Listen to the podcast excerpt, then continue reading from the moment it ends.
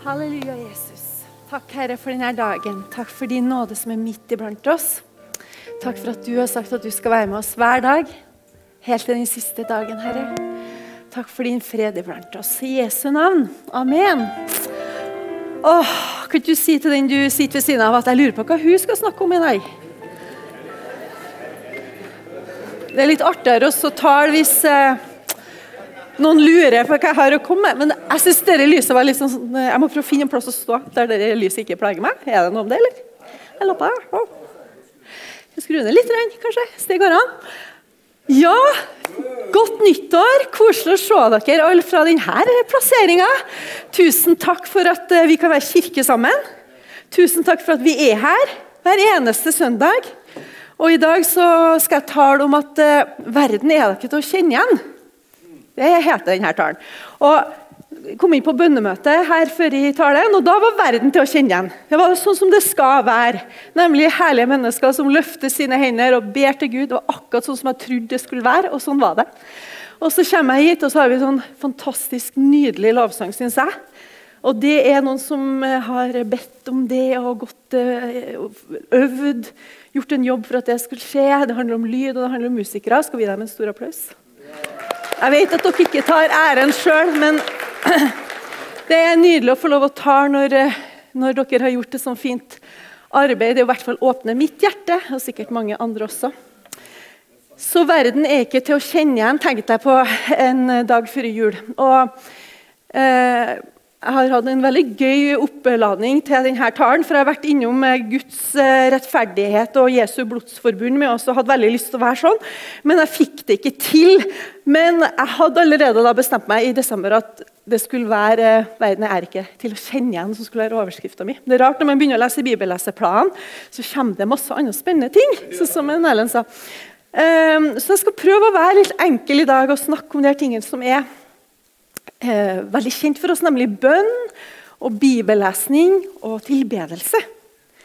Eh, men fra et litt annet blikk, kanskje sånn, et sånn skråblikk. For Før jul så var jeg ute og gikk med den lille gneldrete puddelen min som det viser seg at jeg har blitt så sykt glad i. Utrolig hvor glad jeg er i bikkja. Helt ubrukelig oppdragen hund. Liten og søt, kan ta under armen. Nydelig. Det er alt hun har going for her, at hun er vakker. Ikke noe bra personlighet. Hun gneller og nei. Men vi går nå i hvert fall to turer hver dag, og de turene er blitt viktige for meg. For da får jeg en timeout fra familielivet og snakker litt med Jesus og, og spekulerer litt. Og um, når jeg var ute og gikk, så, så sa jeg til meg sjøl eller jeg vet ikke om jeg sa det høyt, men jeg sa verden er da ikke til å kjenne igjen. Um, og Jeg må bare fortelle dere det, for jeg synes det er litt herlig å fortelle de her gode tingene. som kanskje man kan kjenne seg igjen i at når jeg var ti år, så ble mammaen min frelst. Hun var student da hun kom litt sent i gang, men hun, hun begynte å studere, og så fikk hun bo i, eh, i, et kollektiv noen uker. For hennes liv var veldig dramatisk. og Hun kom dit med blått øye, hadde rømt fra en fæl fyr. Jeg hadde sikkert vært av mormor, som jeg jo ofte var. Og, men så kom hun inn i et kollektiv med tre kristne studenter. Og De hadde Bibelen oppslått, og de biblene var fargelagt med fargeblanter. Noen som kjenner seg igjen? Det er ikke sånn hvis du går andre plasser i verden at de fargelegger. Det er noe som vi karismatikere gjør. Til. Det er sånn. Ja, Fargelegge Bibelen og tegne symbol. og sånn. Så Det var de biblene som lå oppslått, og så var det lovsang over anlegget. Kassetter. Tror jeg det måtte være da. Kassettspiller. Og så hadde vi en sånn uh, lita hule under ei trapp. Denne historien har jeg fortalt mange ganger. Jeg skal fortelle det til den, min siste dag. Fordi der lå jeg under den trappa, hørte på lovsangen og ble fylt av Den hellige ånd. Ble åndsdøpt, begynte å si ting som ja, taler tunger. Ja, det skjedde med en liten tiåring. Og ikke nok med det, men det var som å gå fra mørket til lyset. Og jeg tror at Hvis du er vokst opp i et kristenhjem, så, så er du veldig heldig. Men det å, å, jeg vurderer det høyt at jeg fikk lov å kjenne hvordan det var å gå fra mørket til lyset. For det var så stor kontrast. Og etter det skjedde, har jeg alle mine dager ønska å leve i lysets rike. Og Der har jeg kjent meg hjem. Der har jeg kosa meg. Når det er lovsang, når det er forkynnelse. Bare ha det i bakgrunnen. Når jeg vasker, kan jeg ha de gamle predikantene. på. For det er mitt environment. Det, det likte jeg godt. Og ikke bare alt er åndelig, det er jo psykisk også, selvfølgelig. Men før jul da, så gikk jeg der og så kjente jeg at verden er ikke til å kjenne igjen. Og Kanskje jeg hadde tatt inn over meg litt for mye det som skjer her ute. For jeg mener at Vi skal, være, vi skal følge med. ikke sant? Vi skal ikke være i vår egen lille boble som kristne. Vi skal følge med hva som foregår. Og Hvis du så noen av disse talene som foregikk under jula, men det var statsminister eller konge, så var det gjerne den samme oppbygninga. At nå er det vanskelige tider. Nå har det kommet krig til Europa. Den har kommet nærmere, Trusselbildet nærmere. Og mange sliter med strømregninga si. Mange må snu på krona for å få julegaver og penger nok. Så jeg er ikke den eneste. Jeg tror denne uroen som mange har kjent, den passer inn i denne verden ikke til å kjenne. Nå skulle vi være ferdig med coviden og vi skulle bare feire og ha det artig. og Isteden kommer det nye utfordringer i omstendighetene rundt oss. Eh, jeg har kjent på det mange ganger i livet mitt, for denne barndommen som jeg eh, belemra med, den gjorde at jeg flytta så mange ganger. Så da jeg begynte i 5. klasse, så hadde jeg gått på fem ulike skoler. For eksempel. Så det var alltid det her, åh, at jeg er ny. at jeg sånn er følelsen av at å, det er ikke som det skal, den kjenner jeg igjen helt fra jeg var lita. Eh, og så har jeg blitt fostermor og gått på kurs i barnevernet. og Da har vi lært sånne ord som disassosiasjon. Det har ordentlige ord. det her Man kjenner de følelsene man kan kjenne på. Eller tilknytningsforstyrrelse. Det er mange barn i foster, fosterhjemmene som kjenner på. For de kjenner at de hører ikke til. Det er vanskelig å kjenne tilhørighet når du blir dratt opp. og og det at det som er normalt for oss, kan være rart for noen. Bare det å komme fra en kultur til en annen. Og ikke minst det som handler om sorg. Når jeg var 13 år, så skulle jeg i begravelse til en litt sånn fjern person. så jeg var ikke veldig trist, Men jeg husker at vi skulle reise gjennom landet, og jeg satt på buss. Og det var NRK P1 over anlegget.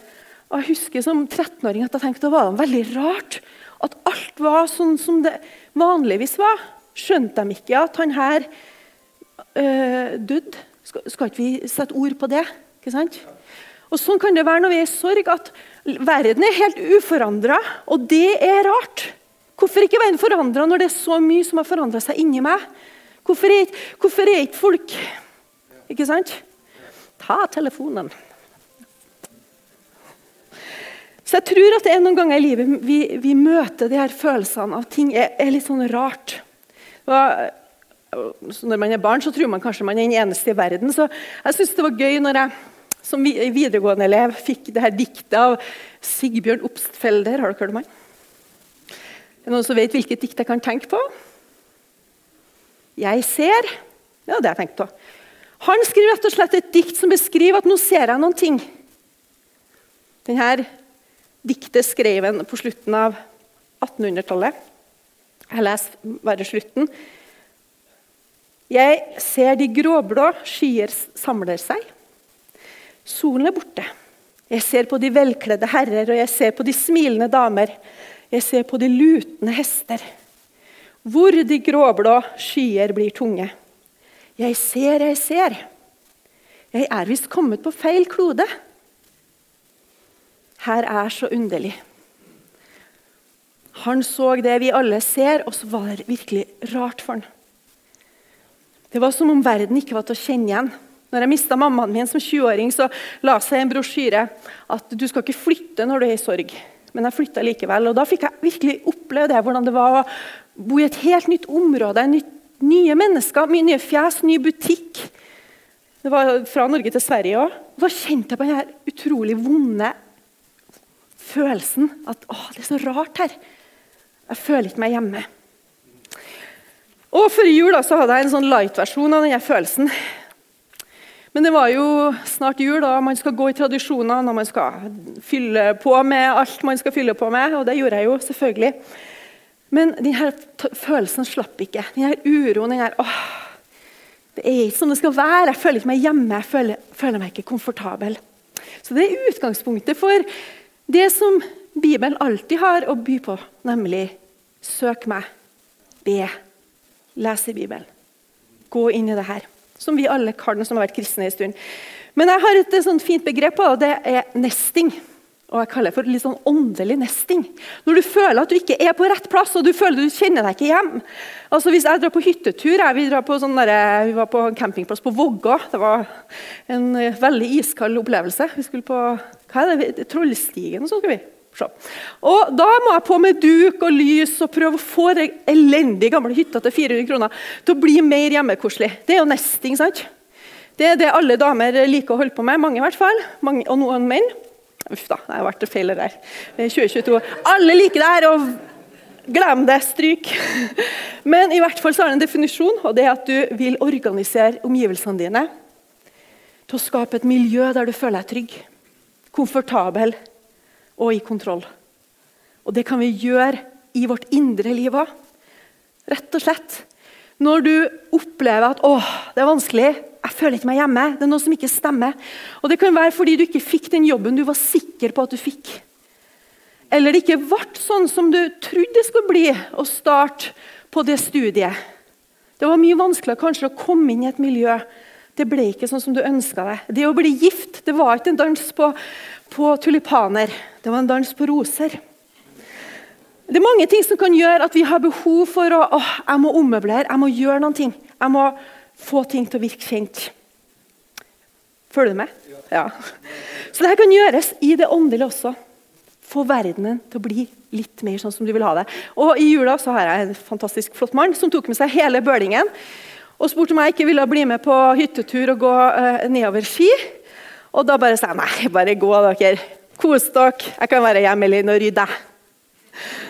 Det er så mye rot her nå. Jeg, jeg rydder gjerne. så tar på meg den.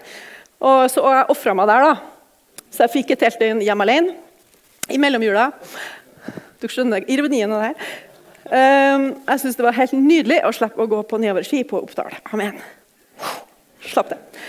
Men Det ble rydding, ja. Men det ble også en plass for meg til å bedrive åndelig resting for å bruke det litt teite uttrykket. Nå skal jeg få verden til å stemme igjen. Nå orker ikke jeg gå med denne uroen. Nå orker ikke jeg gå inn i en framtid, inn i 2023 og være urolig for hva som foregår. Ikke kjenne meg igjen. Synes at ting er litt sånn åh, dette ble ikke sånn som det skulle. Være misfornøyd eller være usikker. Så nå tenkte jeg nå gjør jeg det jeg kan. Og det var veldig fint. Jeg satt på lovsangen, jeg satt på de her gamle predikantene, som irriterer kanskje halve husholdet, i hvert fall hvis jeg skrur på for høyt. Og så bare ja, bare lot jeg det få lov å virke i meg. Og jeg vaska litt og rydda. Det må man gjøre imellom. Men det er punkt én. Hva kan du gjøre når du føler at ting ikke er sånn som det burde ha vært? Hva kan du gjøre? Skal du bare akseptere at det er sånn? Ja, ja, det går vel over. Det går over, men det går mye fortere over hvis du tar tak i det som Guds ord lærer oss at vi kan gjøre. Rett og slett på ditt personlige lønnkammer og i ditt eget liv. Så Det første her skriver jeg her at be om at Gud åpner øynene dine, så du ser. Be om at Gud åpner dine øyne. Det gjorde jeg. Jeg ba til Gud nå må du åpne øynene mine. For det jeg ser rundt meg nå, det trykker meg egentlig litt ned. Det er ikke sånn som jeg vil ha det. Jeg kjenner ikke meg igjen. Det var ikke sånn det skulle bli. Og I tillegg så er russerne der og alt mulig som ikke er som det skulle bli. Så be om at Gud åpner dine øyne, så du ser og forstår Guds ord. For det her er ikke sånn flink pike om å gjøre å lese mest i Bibelen.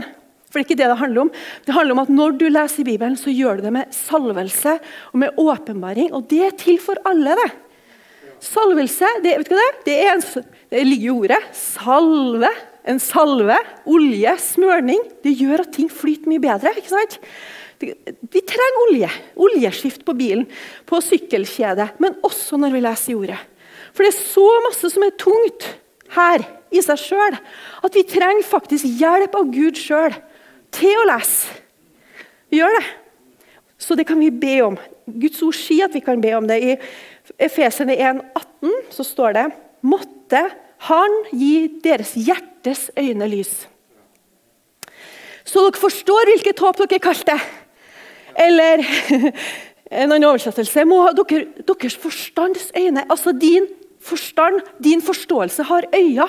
Og måtte de øynene bli åpna, sånn at du ser noe bra som Gud har lyst til å vise deg i den situasjonen du er i. For det er ikke sånn som du tror, bror. Det er ikke så trist og ille når du er en kristen. Det er håp rundt neste sving. Det er muligheter. Gud har kontroll, selv om det virker som det er ukontrollerbart. Amen. Åpenbaringa 3,18 sier 'kjøp deg øyensalve til å salve øynene dine med', for at du kan se. Å, Vi trenger mer enn å bare høre talen eller lese ordene. Vi trenger å få vårt hjertes øyne åpne. Og det er for alle, det. Du kan være ung. Det står en plass i salmen at jeg er, mye, jeg er ung, men jeg er mye klokere enn mine lærere. Selv om man ikke har lest like mye, ikke studert like mye. Hvorfor da? Jo, fordi man har åpne øyne, salva av Den hellige ånd sjøl. Og jeg elsker Lukas 24, som forteller oss om Emmaus-vandrerne. For de beskriver det som godt. Brant ikke våre hjerter når Skriftene ble åpna? Vers 45 i Lukas 24 sier han åpnet deres forstand så de kunne forstå Skriftene. Han åpna deres forstand. Og det trenger vi. Det trenger vi alle sammen. Vi trenger å forstå når vi leser bibelleseplan. Vi trenger å forstå når vi leser slektslinjene og de her tørre hitittene og titittene og alle titittene. Og vi trenger å forstå hva det Gud har lyst til å fortelle meg nå. Hva det han har lyst til å gi inn til meg nå. Bibelen har mange gode eksempler. Hvis du ser som, som Gud ser, så er ikke verden så farlig lenger. Du er trygg fordi du ser. Du kan få aksept fordi du ser. Fordi den åndelige verden kan ha en helt annen virkelighet enn den eh, fysiske som vi slår opp øynene våre og ser. Med Guds perspektiv så kan vi oppleve en enorm trygghet. Jeg tror ikke noe sånn quick fix. Jeg har jo nevnt det her med sorg. For meg var det mange turer i skogen der jeg ropte til Gud fordi jeg var så fortvilt når mammaen min døde. For det var bare meg og hun. Så når hun døde da jeg var 20 år, så følte jeg meg helt vaklevoren. Jeg visste ikke hvordan jeg skulle ta neste steg. Jeg visste ikke hvordan jeg skulle komme framtida i møte. Men jeg tok med meg Gud inn i den dialogen. Jeg snakka med han, han var min trøster. Og til slutt så ble denne sorgen sakte, men sikkert til en slags fred og en sånn aksept over den situasjonen jeg var i. Og en enorm trygghet på at mammaen min hun har det så bra, og hun er så vakker nå. All den smerten hun har båret på, er borte fra fjeset hennes. Hun er ikledd de klærne, og hun er kalt ei dronning. Alt det fikk jeg lov å hvile i. Andre krøniker har en sånn historie som viser veldig tydelig hvordan det er forskjell på den virkelige fysiske og den virkelige åndelige verden. Der står det om en, en profet som heter Elisha. og Han hadde med seg en sånn læregutt. De sto på morgenen og så, så de at hele byen var omringa av fiendens hær. Masse masse fienden som sto der, og de, og de var klare til angrep. Men profeten Elisha han var helt trygg. Og den eh, unge gutten han var veldig nervøs og sa det er ute med oss, hva gjør vi? Det er, nå er det over. Og Så står det i 2. krøniker 6, vers 16.: Frykt ikke, for de som er med oss, er flere enn de som er med dem. Hmm. Og Så ba han for unggutten som var redd, og sa, 'Herre, jeg ber deg, åpne øynene hans så han kan se.' Og han så. Og overalt rundt Elisha var fjellet full av hester og vogner. Romerbrevet 8,31. Hva skal vi da si til dette? Er Gud for oss? Hvem er da imot oss? Og I forhold til sorg er det også sånn. Første Tess sier vi vil ikke at dere skal være uvitende om dem som har sovna inn, for at dere ikke skal sørge som de som ikke har håp. Dere skal sørge med håp. Ikke sant? Amen. Så når vi ser som Gud ser, så ser vi et mye mye, mye større bilde. Jeg tror ikke vi å se hele bildet, da, for det tror jeg bare Gud har sjøl. Men vi, vi, får det vi trenger. Vi får den trøsta vi trenger, kanskje, den, det håpet, den tryggheten. Når vi tar imot ordet i vårt indre, så lyser det opp. Så det var det ene. Be om å få se sånn som Gud ser. Var det bra? Ja, ok. Greit. Andre tilbe Gud under alle forhold. For det kan forandre dine forhold. Rett og slett. Apostlenes gjerning i 16. Der har vi noen som virkelig det har gått galt for. Helt tragisk har det gått med eh, han Silas og Paulus. De sitter i et fangehull. Føttene tror jeg er spent fast. ikke sant? Det er ikke noe vekkelse der. Det er trist. Og Det er ikke så veldig relevant for oss, heldigvis. Takk for det, Gud, at jeg slipper den der. da. Men det som er relevant, er at det går an å pris Gud, takk Gud, løft opp Han under alle forhold.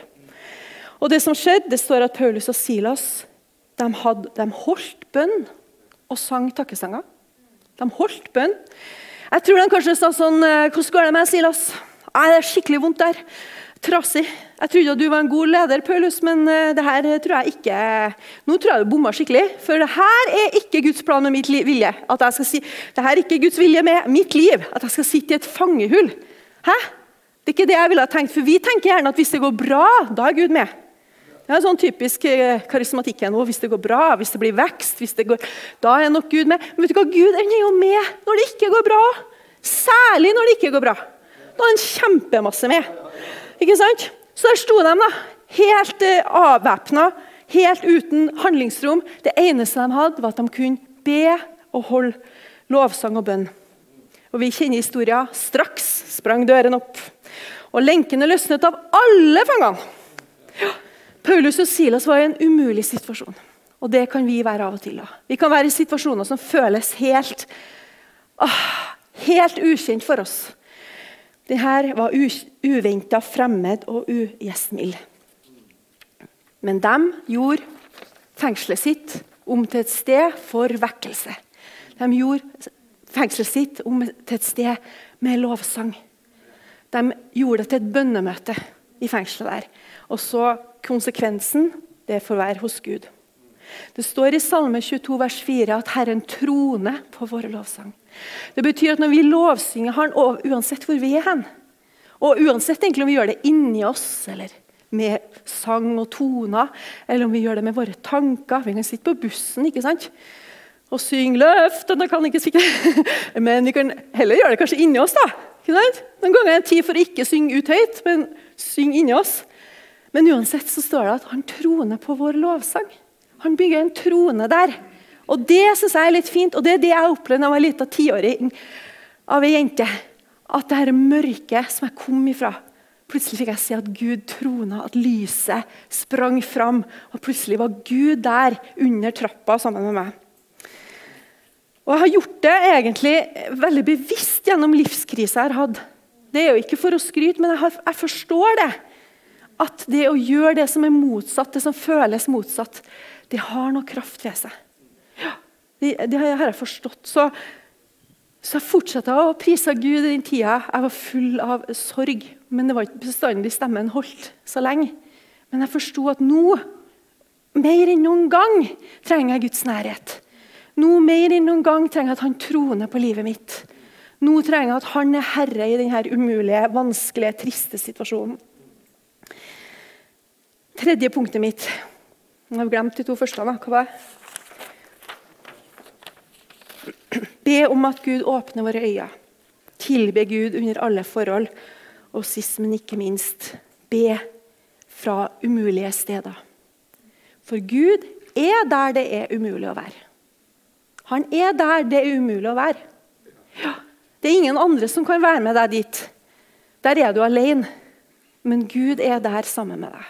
I din ensomhet, i din fattigdom, i din fortvilelse, i din opplevelse av ting ikke ble som det skulle. Der er Gud faktisk sammen med deg. Hun Moder Teresa hun ble spurt av en journalist. Hun satt med et lite barn i armene sine, og denne lille ungen døde. Og Journalisten spurte hvor er din Gud. Min Gud er her. Min Gud er her. Men hvor er du? spør han. Godt poeng. Men min Gud er her. Gud er sammen med oss der det er umulig å være. Og jeg har lyst til å bruke litt tid Ikke så mye, da, men jeg hadde lyst til å innom han eh, profeten Jonah. For jeg tror at han Jonah, han Jonah Kjenner dere han? Han ble svelget av en stor fisk. Og Det synes jeg betyr at han har vært på mer umulig plass enn noen av oss andre har vært. Jeg har opplevd mye rart, men jeg har aldri blitt svært av en stor fisk. Så det er liksom, han topper den lista. Og ikke, Vi vet ikke engang om det var en hval eller om det var sånn engangsfisk som Gud hadde blåst opp bare for å gi oss det her. Vi får se. Derom strides de lærde, Kristian. Hva tror du? For denne, denne Fisken måtte jo ha oksygentilførsel og, og litt sånn bord og stol og sånn møblering. Neida. Herren hadde sett seg ut en stor fisk jeg leser for Jonah kapittel 2, som skulle sluke Jonah. For Jonah var ulydig og ville rett og slett ikke høre etter. Så det er en annen tale. Men bra vi lever i nådens tidsalder her nå. Jonah var i fiskens buk i tre dager og tre netter. og Derfor er det en profeti om Jesus, som var i tilsvarende forferdelig, helt umulig situasjon. Da ba Jonah til Herren sin Gud fra fiskens buk. Han sa, 'Jeg ropte til Herren i min nød, og han svarte meg.' 'Fra dødsrikets dyp ropte jeg, og du hørte min nød.' 'For du kastet meg i dypet, ut i havets hjerte, og vannstrømmene omga meg.' 'Alle dine bølger og dine brottsjøer gikk over meg.' Altså, Det er jo ikke Gud som skaper det elendige i våre liv, men jeg synes det er godt noen ganger når jeg har det skikkelig trasig, så synes jeg det er skikkelig godt å kunne faktisk stille Gud til ansvar. Vet du, herre, her, Gud, herre må du jo være med å ta ansvar for. Selv om det var jeg, min synd, eller at han var dum, eller noe sånt, så er det noe med å løfte blikket og si men Gud, du er jo Kom an her! Du, må, du er Gud, liksom. Så nå sier han du kaster meg ut i dypet. Og så sier vers 5.: Jeg er kastet bort fra dine øyne. Like vil jeg igjen se opp mot ditt hellige tempel. Vannene trengte seg inn på meg helt til sjelen. Dypet lukket seg rundt meg. Tang viklet seg rundt mitt hode. Jeg for ned til fjellenes grunnvoller. Jorden med sine bommer lukket seg bak meg for evig. Men du førte mitt liv opp fra graven, Herre min Gud. Da min sjel ble kraftløs i meg, husket jeg på Herren. Min bønn steg opp til deg, inn i ditt hellige tempel. De som holder seg til tomme avguder, har forlatt din miskunnhet, men jeg vil ofre til deg med takkesangens røst. Jeg vil holde det jeg har lovt, sa han fra fiskens mage. ikke sant? Frelsen er fra Herren, sa han der han var, og glubb, glubb og tang og tare. Han var, han var. Så talte Herren til fisken, og den spydde Jonah opp på land. Det er jo en helt umulig situasjon. Du har kanskje en umulig situasjon, men Jonah var i en verre situasjon. og Det er nettopp derfor den historien står her. For gi oss den oppmuntringa at Gud er stor nok til å løse oss fra uansett hvordan det ser ut. Han er det. Han kan høre vår, vårt rop, selv om vi føler at vi har tang og tare og fisk og fiskeslo. Og Der kommer en liten krabbe og biter deg i tåa, og som om det ikke var ille nok, så opplever du sånne ting. Trasige ting. Gud er trofast. Bibelen er full av det. Han er i ørkenen sammen med oss, sier, Jesaja 43. Og der lager han en ny vei. Han lar det spire fram. Han skaper noe nytt. Han er i dødsriket, står det i Salme 139, vers 8. Vi kan be fra umulige steder fordi Gud er der det er umulig å være. Han er i mørket sier Salme 139, vers 12. Og han gjør mørket lyst. Han er der hvor menneskets hjerter er knust, står det i Salme 34, vers 18. Han var med Lot i en syndig by. Så syndig at ikke maken hadde funnes. Der var han sammen med Lot. Han var med Daniel i ei hule full av løver. Han var med Shadrach, Neshak og Abenego i en ildovn. Han var med Josef, som var håpløst fanga i ei brønn. Hvordan skulle han komme seg opp? Han var med Maria og Josef, som var ute på et oppdrag, men som ikke fant husrom. Han var hos en kriminell som var spikra til et kors. Han er med meg og deg. Amen. La meg avslutte med Salme 23. Her er det Gud som bedriver nesting. Det er det hyrden vår, vår sjels hyrde og tilsynsmann. Han som ser hva vi trenger for å kjenne på trygghet. For å kjenne at selv om jeg har det vanskelig nå, så er du med meg, Herre. Du er sammen med meg. Jeg er ikke i dødsriket alene. Jeg er ikke i fiskens mage alene. Jeg er ikke i denne syndige byen alene. Jeg er ikke i løvehula alene. Jeg er ikke i sorgen alene. Du er min hyrde. Klimaet for denne salmen som vi kjenner så godt, den er jo at verden ikke er sånn som den burde. Jeg går gjennom dødsskyggens dal, og foran meg har jeg fiender som skal sitte og se på meg når jeg spiser. Herren er min hyrde, jeg mangler ingenting. Han lar meg hvile i grønne enger. Han leder meg på hvilens vann. Han fornyer min sjel.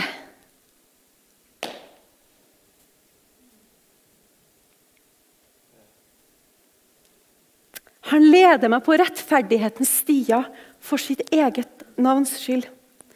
Ja, selv om jeg må vandre gjennom dødsskyggens dal, så frykter ikke jeg for noe vondt, for du er med meg. Din kjepp og din stav, de trøster meg. Du dekker bord for meg rett foran mine fiender.